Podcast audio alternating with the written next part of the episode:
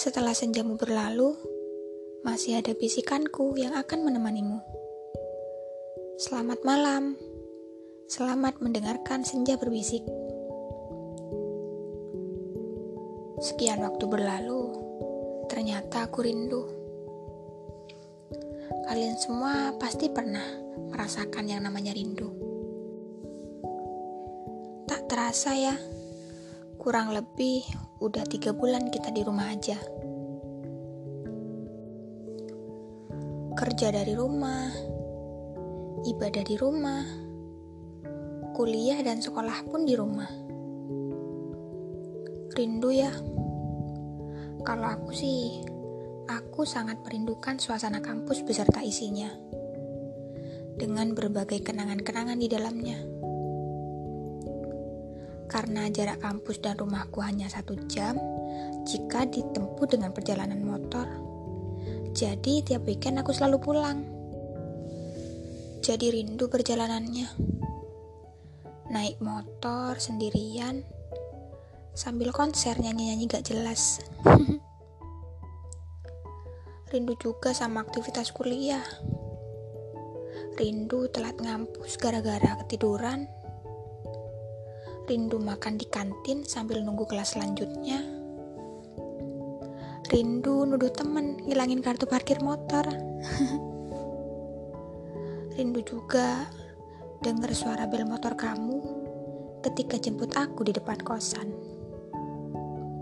Ya, aku rindu kamu juga. Bukan cuma suara bel motornya. Rindu makan bakso, tapi kamu malah makan mie ayam.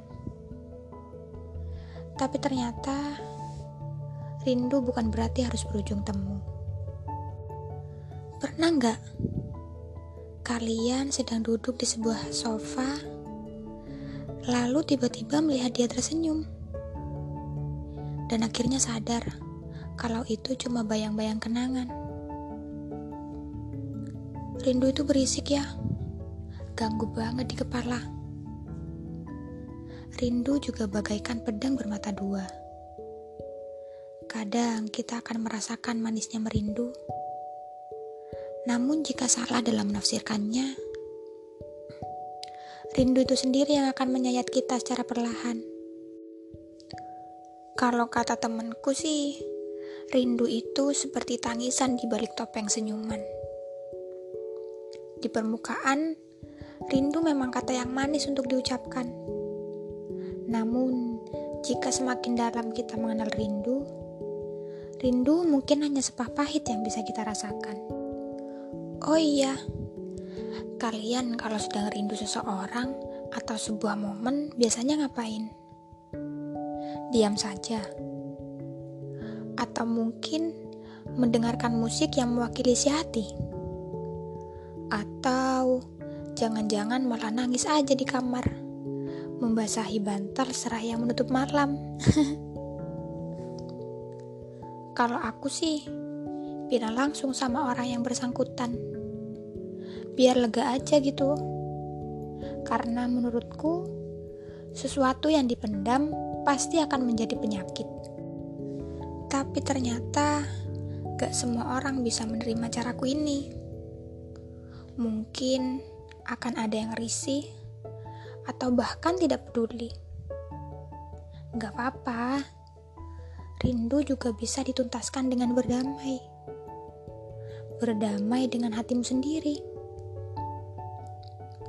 Dari rindu kita belajar bahwa seseorang di masa lalu atau hal-hal yang telah berlalu akan tetap ada di memori kepala kita sampai kapan pun. Gak apa-apa, rindu itu wajar kok. Tinggal gimana cara kita untuk menyingkapinya. Karena rindu adalah kerumitan paling seru yang bisa kita rasakan. Rindu ini milikmu. Selamat malam minggu.